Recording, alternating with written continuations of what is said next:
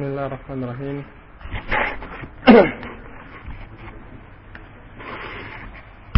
إن الحمد لله نحمده ونستعينه ونستغفره ونعوذ بالله من شرور أنفسنا ومن سيئات أعمالنا. من يهده الله فلا مضل له ومن يضلل فلا هادي له. أشهد أن لا إله إلا الله وحده لا شريك له. وأشهد أن محمدا عبده ورسوله. قال الله تعالى في كتابه الكريم يا أيها الذين آمنوا اتقوا الله حق تقاته ولا تموتن إلا وأنتم مسلمون. فقال الله عز وجل يا أيها الناس اتقوا ربكم الذي خلقكم من نفس واحدة وخلق منها زوجها فبث منهما رجالا كثيرا ونساء. واتقوا الله الذي تساءلون به والأرحام. إن الله كان عليكم رقيبا. وقال الله تعالى يا أيها الذين آمنوا اتقوا الله وقولوا قولا سديدا يصلح لكم أعمالكم ويغفر لكم ذنوبكم ومن يطع الله ورسوله فقد فاز فوضا عظيما. أما بعد فإن أصدق الحديث كتاب الله تعالى وخير الهدي هدي محمد صلى الله عليه وآله وسلم وشر الأمور محدثاتها فإن كل محدثة بدعة وكل بدعة ضلالة وكل ضلالة في النار. أجرنا الله وإياكم وسائر المسلمين عن البدع والضلال. فإخوانا حفظكم الله جميعا. Risalah yang berikutnya. Yang akan kita kaji dalam majalis kita insyaallah. Semoga Allah Subhanahu wa taala memberikan berkah. Ya serta rahmat. Ya.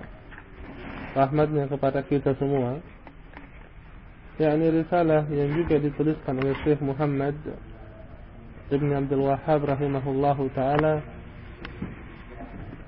yang ma'ruf atau yang kita kenal dengan al-qawaid al-arba'ah.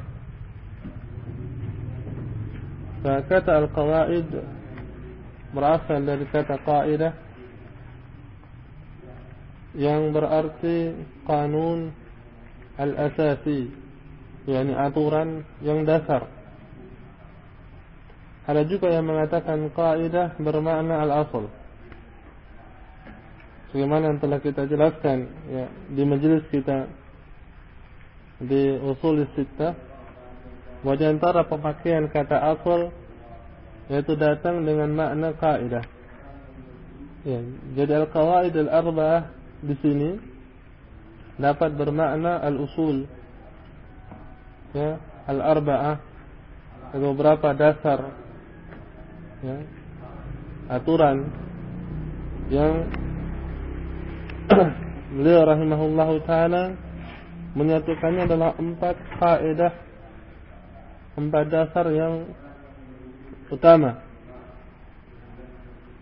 Di sini Syekh rahimahullahu taala menyebutkan بسم الله الرحمن الرحيم. أسأل الله الكريم رب العرش العظيم أن يتولاك في الدنيا والآخرة. فبلي رحمه الله تعالى menyebutkan di awal kitab beliau Al-Qawaid Arba'ah dengan basmalah yang mengikuti Al-Quran dan Sunnah. Yakni ayat yang telah kita sebutkan juga yaitu firman Allah Subhanahu wa taala pada kisah malaikat Saba inni ulqiya ilayya kitabun karim innahu min Sulaiman wa innahu bismillahirrahmanirrahim. Di mana beliau menghikayat mana Allah Subhanahu wa taala menghikayatkan dari kisah penguasa Saba bahawa telah dikirimkan kepadanya sebuah kitab dari Sulaiman yang diawali dengan basmalah. Demikian halnya juga masing-masing surah dalam Al-Quran selain surah Al-Bara'ah yang surah At-Taubah yang semuanya diawali dengan basmalah. Adapun At-Taubah tidak diawali dengan basmalah dikarenakan kalangan ulama ya, ahli tafsir dan selainnya menyebutkan bahawa surat Al-Bara'ah atau surah At-Taubah merupakan bahagian dari surah Al-Anfal. Karena itulah tidak diawali dengan basmalah.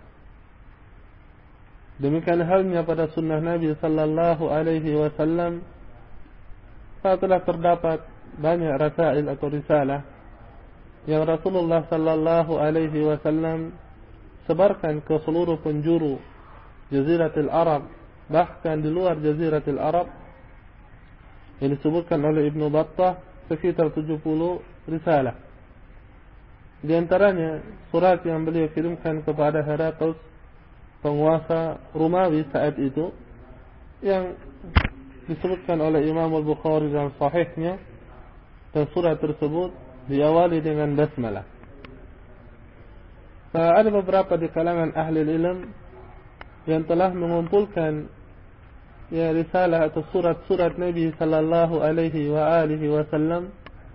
Di antaranya ada juz kecil yang dituliskan oleh Abu Nuaim al-Asbahani yang berisikan rasail Nabi sallallahu alaihi wa alihi wasallam. Di antaranya ada dengan sanad yang sahih ada yang hasan dan di antaranya ada yang diriwayatkan dengan sanad yang lemah.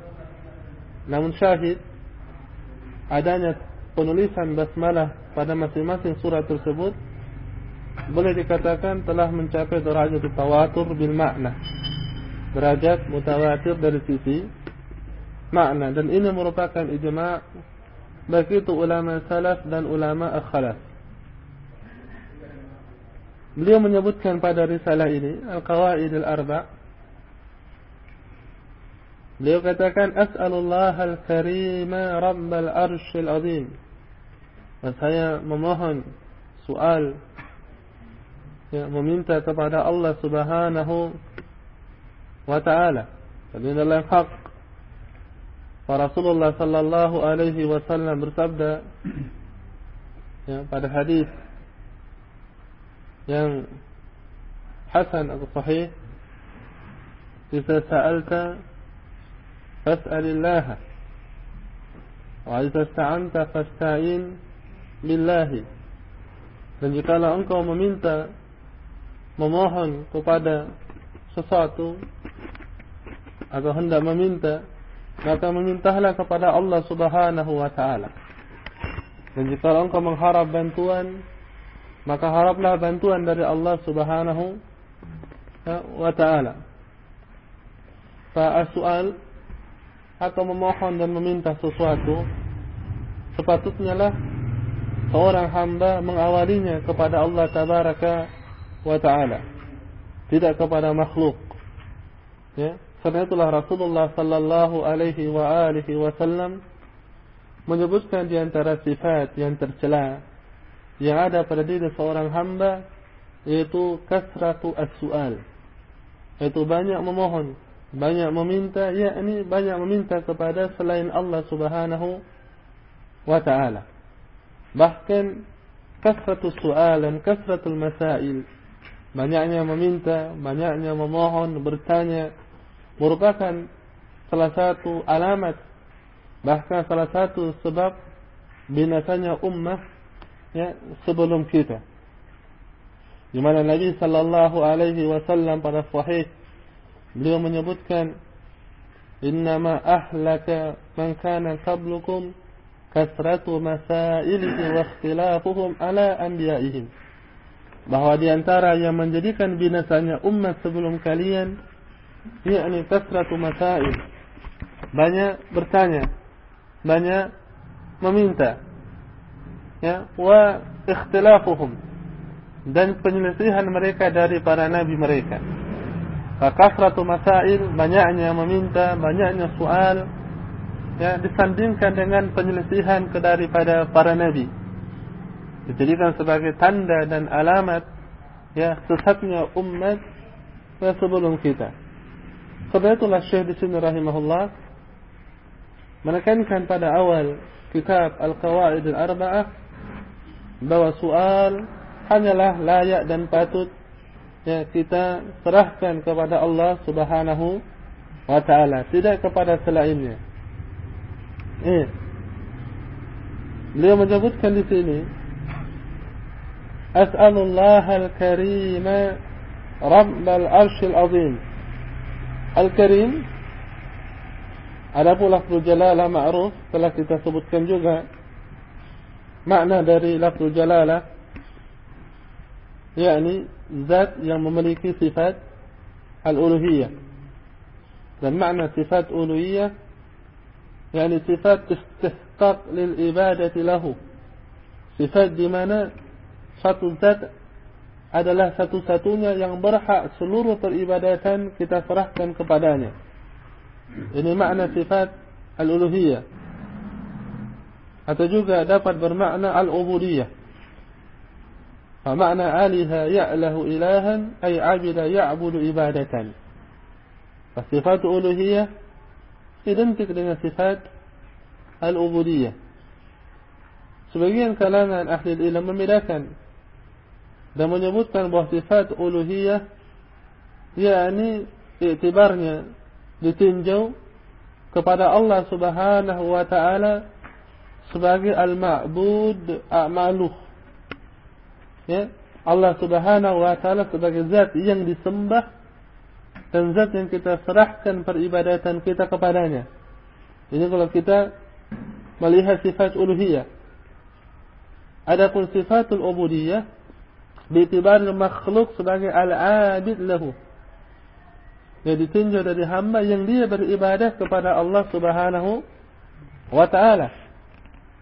Karena itulah seorang hamba dikatakan abdun lillahi dikarenakan dia beribadah dan menyerahkan seluruh ya amal ibadah dia hanya kepada Allah Subhanahu wa taala. Dalam hal ini hamba tersebut sebagai abdun syar'i. Abdun syar syar'i. Ya, dan abdun syar'i hanya khusus bagi kalangan mukminin. Bagi khusus bagi mereka yang beribadah kepada Allah Tabaraka wa taala.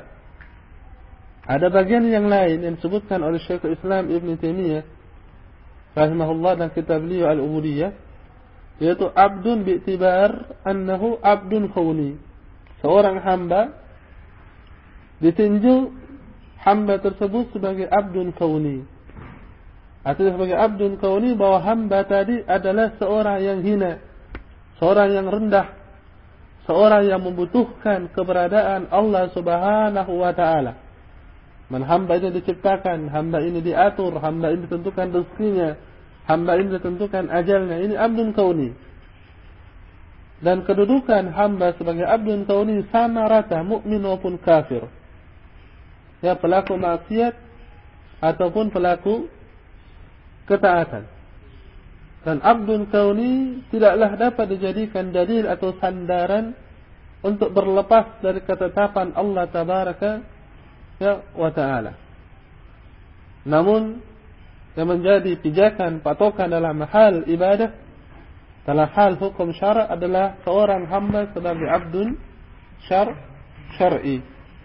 Jadi dia beribadah mengamalkan segala perintah dan menjauhkan diri dari segala larangan. Adapun Al-Karim adalah salah satu di antara nama Allah Subhanahu wa taala. Yang yang berarti zat yang memiliki sifatul karam. Iya. Zat yang memiliki sifat mulia. أسأل الله الكريم رب العرش العظيم يا رب penguasa yang memiliki sifat rububiyah al-arsh al-azim al-arsh mana pada hadis yang sahih diriwayatkan oleh al-lalikai dan juga al-ajurri dan selainnya ya bahawa al-arsh adalah akbar ya makhluqatillah tabaraka wa taala bahawa al-arsh adalah makhluk Allah yang paling besar al-kursi fa huwa mawdi qadamai rahman. Sementara disebutkan juga pada hadis tersebut al-kursi adalah tempat Allah Subhanahu wa taala memijakkan kedua kakinya. Iya. Baik. Pada mukaddimah ini beliau menyebutkan penetapan nama Allah Subhanahu wa taala dan juga sifat rububiyah Allah tabaraka wa taala dan juga ya penetapan adanya al-arsh. Di mana Allah Subhanahu wa taala tidaklah membutuhkan al-arsh. Dan al-arsh adalah makhluk dari makhluk Allah Subhanahu wa taala. Dan tidak sebaliknya. Karenanya lah beliau menyebutkan di sini al-arsh yang disandingkan dengan sifat rububiyah Allah Subhanahu wa taala, Rabbil Arsy, yang Allah yang menguasai, memiliki dan mengatur al-arsh. Tidak sebagaimana sangkaan sebagian kaum ya dari kalangan ahli kalam baik itu Mu'tazilah maupun Asy'ariyah yang berprasangka bahawa Allah Subhanahu wa taala membutuhkan al-arsy untuk bersemayam di atasnya. La. Allah Subhanahu wa taala dalam banyak ayat menyebutkan bahawa Allah bersemayam di atas arsy. Dan antaranya firman Allah tabaraka wa taala Ar-Rahmanu 'ala al-'arsy istawa. Ya Allah Subhanahu wa taala yakni Ar-Rahman berada istiwa di atas al-arsy. Iya. Makna dari ayat ini bukanlah Allah tabaraka wa taala membutuhkan al-arsh untuk bersemayam di atasnya. Pada ayat yang lainnya Allah Subhanahu wa taala berfirman, "Khalaqas samawati wal arda fi sittati ayyamin thumma istawa 'alal arsh." Allah Subhanahu wa taala menciptakan langit dan bumi setelah itu istiwa di atas al-arsh penggunaan kata summa selanjutnya tidaklah berarti bahawa Allah tabaraka wa taala membutuhkan al-arsh dalam istiwa melainkan Allah tabaraka taala mengabarkan bahawa dirinya yakni Allah tabaraka wa taala setelah menciptakan langit dan bumi setelah itu dengan kehendak dan iradahnya Allah berada istiwa berada tinggi di atas ya al-arsh. Karena makna istiwa adalah ulu wal irtifa' Di mana Imam Al-Bukhari rahimahullah menyebutkan tafsir kata istiwa ini dalam kitab sahihnya dari riwayat yang mauquf dari Mujahid rahimahullahu taala. Hanya makna istiwa. Makna istiwa adalah ulu dan irtifa, berada tinggi dan naik ke atas. Itu makna istiwa. Dan istiwa tidaklah bermakna istaulah. Tidak bermakna menguasai. Tidak bermakna menduduki. Dan istiwa juga tidaklah bermakna bersemayam. Dikarenakan kesemua penafsiran ini memberikan kelaziman yang batil jikalau kita sandarkan kepada Allah Subhanahu wa taala. Di mana kelaziman yang batil tersebut diantaranya Allah Subhanahu wa taala membutuhkan adanya wujudnya al-arsy untuk merealisasikan sifat dan perbuatan Allah tabaraka wa taala tadi.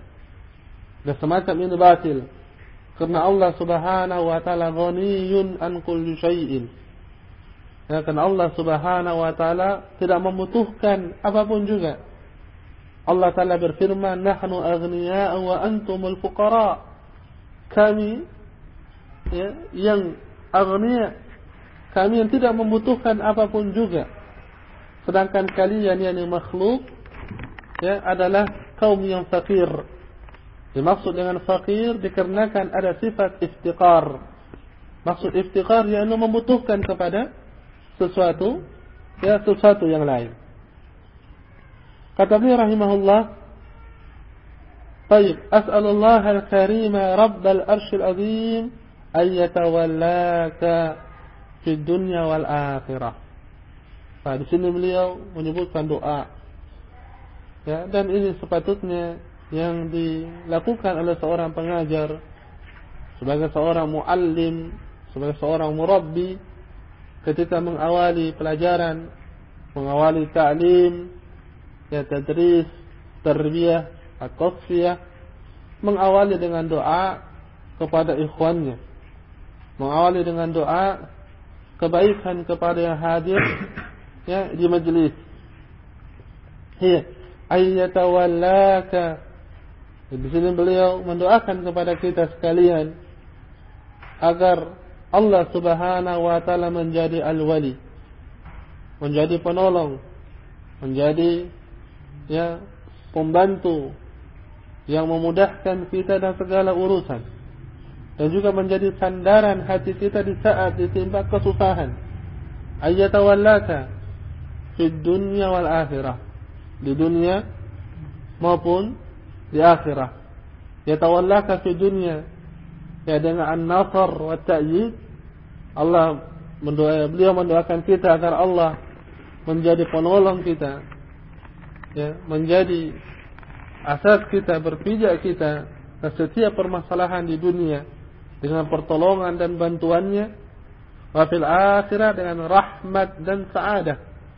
Dengan rahmat dengan kebaikan dan kebahagiaan di, di akhirat. Wa yaj'alaka mubarakan aina ma kunta dan menjadikan kita yakni hambanya mubarakan. Sebagai seseorang yang diberkati. Aina ma kunta. Bagaimana Nabiullah Isa alaihissalam ketika menyebutkan di antara rahmat dan inayah Allah Subhanahu wa taala kepadanya dia berkata dalam firman Allah Subhanahu wa taala kuntu wa awsani bis salati waz zakah dan Allah Subhanahu wa taala telah menjadikan diriku ya kata Isa alaihissalam mubarakan aina ma kuntu. Jadi seorang yang mendapatkan berkah di manapun saya berada. Iya. Wa ayyaj'alaka mimman idza utiya syakara. Dan menjadikan kita semua insyaallah. Ya sebagai seseorang yang apabila ya dia diberikan sesuatu diberikan kebaikan maka hamba tersebut ya bersyukur. Wa idza btuliya sabara.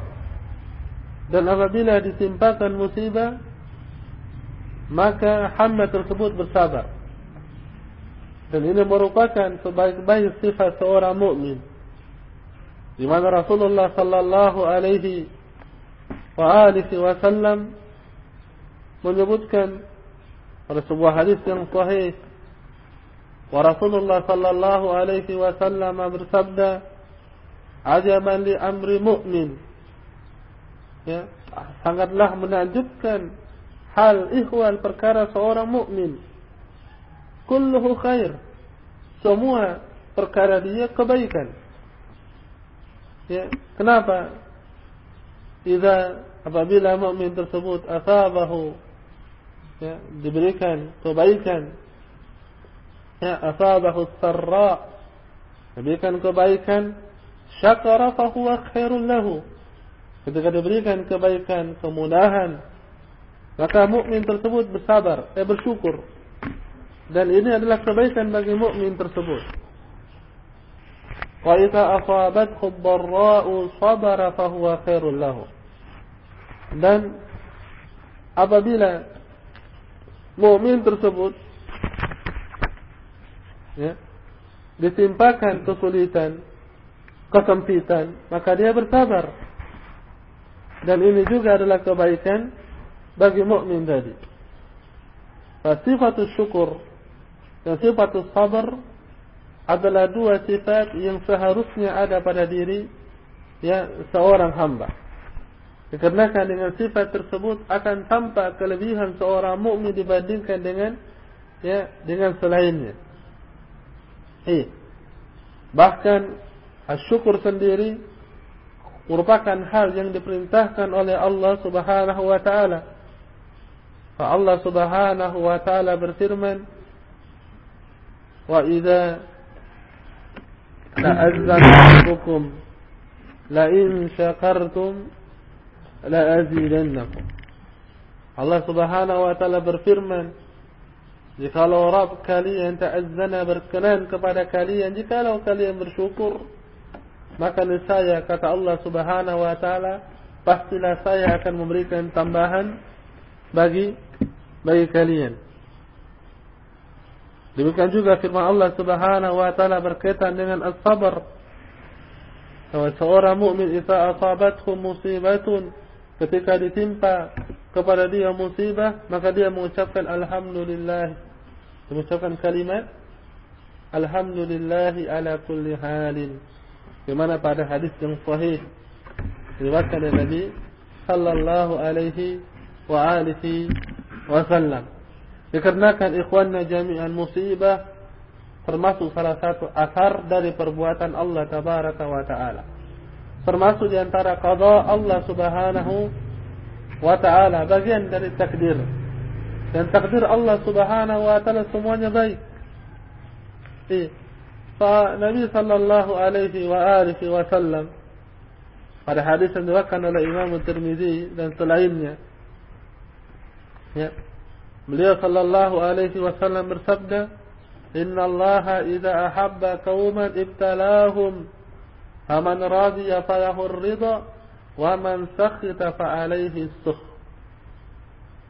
ya Nabi sallallahu alaihi wasallam bersabda Sesungguhnya Allah tabaraka wa ta'ala apabila Allah subhanahu wa ta'ala cinta kepada satu kaum Maka Allah akan memberikan musibah kepadanya Akan memberikan cobaan kepada kaum tersebut. Jikalau kaum tadi ridha Maka bagi dia ridha. Dan jikalau kaum tersebut tidak menyenangi yang apa yang Allah subhanahu wa ta'ala berikan baginya berupa cobaan Maka bagi kaum tersebut juga akan ditimpakan kemurkaan dari Allah Subhanahu ya wa taala. Demikian juga dengan hadis yang lainnya di mana Rasulullah sallallahu alaihi wasallam berbicara tentang ibtila tentang cobaan ini ya di mana seseorang harus belajar bersabar. Beliau menyebutkan bahawa cobaan tersebut fal amsal lil amsal. Ya. Bahawa cobaan tersebut diberikan kepada masing-masing orang sesuai dengan kadarnya dan Nabi SAW bersabda wa a'zamun nasi bala'an al-anbiya bahawa kaum manusia yang paling besar cobaannya yakni siapa? Para al-anbiya. Jadi cobaan ujian adalah salah satu uh, sifat atau salah satu keadaan yang diderita oleh para nabi dan rasul. Dalam banyak hadis disebutkan tentang orang-orang saleh sebelum kita ya di mana mereka mendapatkan cobaan, ujian, fitnah. Ada yang apa? Di uh, dicuti kulitnya dengan sisir dari besi. Ada yang dibelah uh, tubuhnya. Ada yang lompat dilemparkan ke dalam api seperti kisah Ibrahim alaihi salam. Ya, dan banyak lagi kisah. Sehingga cobaan dan fitnah ini Allah Subhanahu wa taala jadikan sebagai alamat iman seseorang. Sebagai alamat keimanan seseorang tidaklah dikatakan beriman hingga Allah Subhanahu wa taala mengetahui siapa yang bersabar di antara kita dan siapa yang tidak yang tidak bersabar. Iya.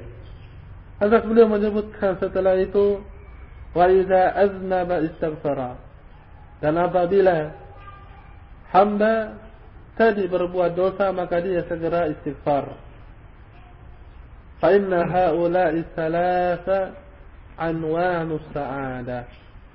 Ya, ini juga yang seharusnya senantiasa kita amalkan apabila berbuat dosa maka bersegera ya istighfar kita telah sebutkan di majlis kita semalam ya ni Rasulullah sallallahu alaihi wasallam senantiasa istighfar ya walaupun beliau sallallahu alaihi wasallam seorang hamba yang maksum dan terjaga ya langsung dari Allah Subhanahu wa taala iya dan Rasulullah sallallahu alaihi wasallam bersabda pada hadis yang sahih innakum tukhti'una bil laili wan nahar wa ana aghfiru dhunuba jami'an fastaghfiru li aghfir lakum ya di mana Rasulullah sallallahu alaihi wasallam meriwayatkan dari Rabbnya pada hadis yang sahih atau dari hadis man Abi Dzar atau hadis Ibnu Abbas. Allah tabaraka wa taala berfirman sesungguhnya kalian telah melakukan dosa malam dan siang hari. Sementara kata Allah tabaraka wa taala saya mengampuni dosa kalian semua. Maka mintalah ampunan kepadaku niscaya saya akan mengampuni kalian. Fa istighfar selain dia alamat para nabi dan juga yang dianjurkan dalam Al-Quran Al-Karim dalam banyak ayat pada hadis ini juga ditekankan adanya perintah untuk senantiasa meminta ampunan kepada Allah Subhanahu wa taala. Kata beliau, "Fa inna haula'i thalatha anwanu sa'adah." Karena ketiga hal ini adalah ciri tanda kebahagiaan yakni ya di akhirat. Ya, masya-Allah taala.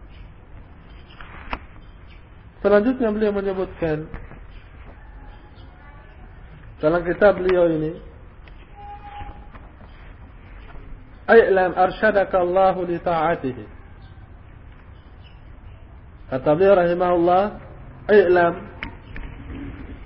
Mana kata a'lam yakni tuntutlah carilah dan dia pada timbangan fi'il amr. Yang mana timbangan ini menunjukkan atau mengindikasikan makna wajib secara mutlak. Ya, semua perintah yang mutlak menunjukkan makna al-wujub. Pada sini terkandung wajibnya untuk mencari al-ilm. Ya, dan ayat yang pertama yang turun kepada Nabi sallallahu alaihi wasallam adalah berkisar tentang al-ilmu. Iqra' Bismi Rabbika Alladhi Khalaq. Iya. Dan ilmu yang paling utama Adalah Dalam mengenal Ma'rifah Allah subhanahu wa ta'ala Dengan nama dan sifatnya Dengan perbuatannya Dengan ayat-ayat kauniyah dan ayat syari'iyah Allah subhanahu wa ta'ala berfirman Fa'lam annahu la ilaha illallah wastaghfir li dhanbi.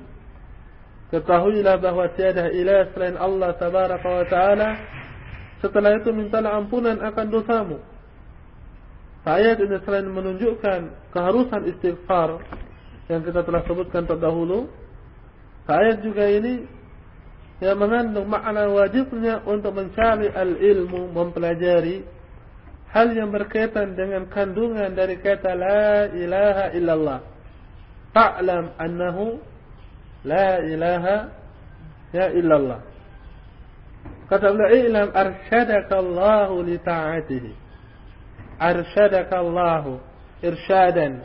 Dan makna irsyad yaitu arahan. Ya yaitu doa ajakan kepada kebaikan ini makna irsyad. Arsyadaka Allah li ta'atihi.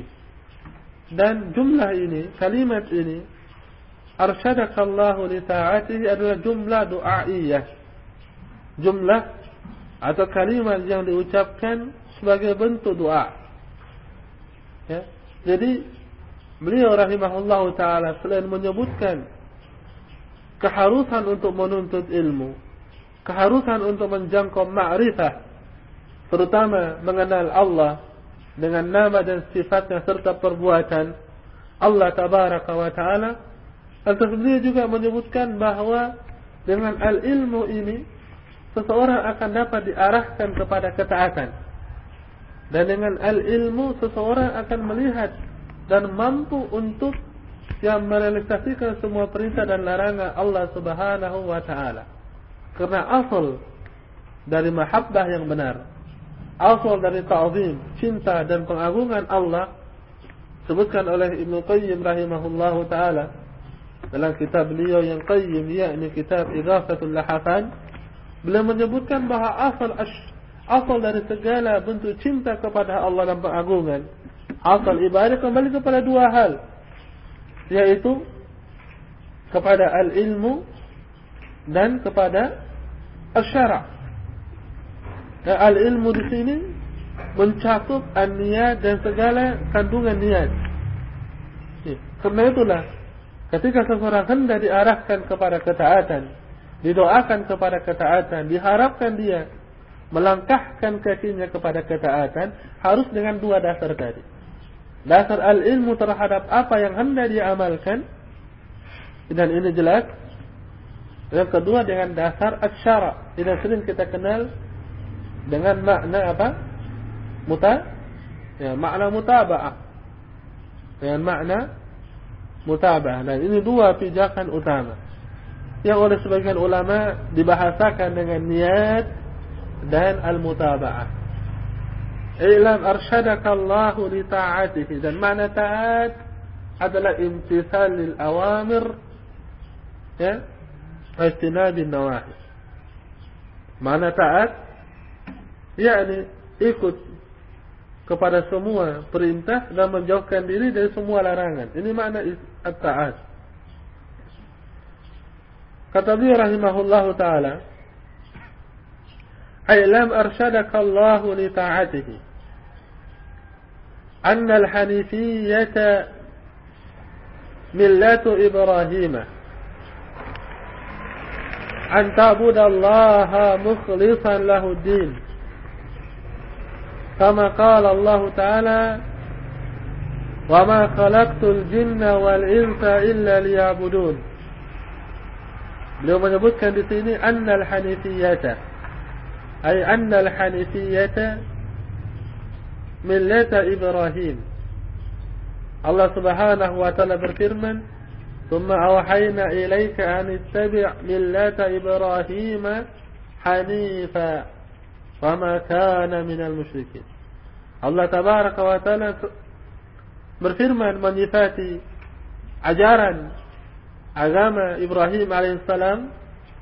Allah Ta'ala berfirman, Thumma awhayna ilaika. Lantas kami wahyukan kepadamu ya Muhammad untuk mengikuti millata Ibrahim.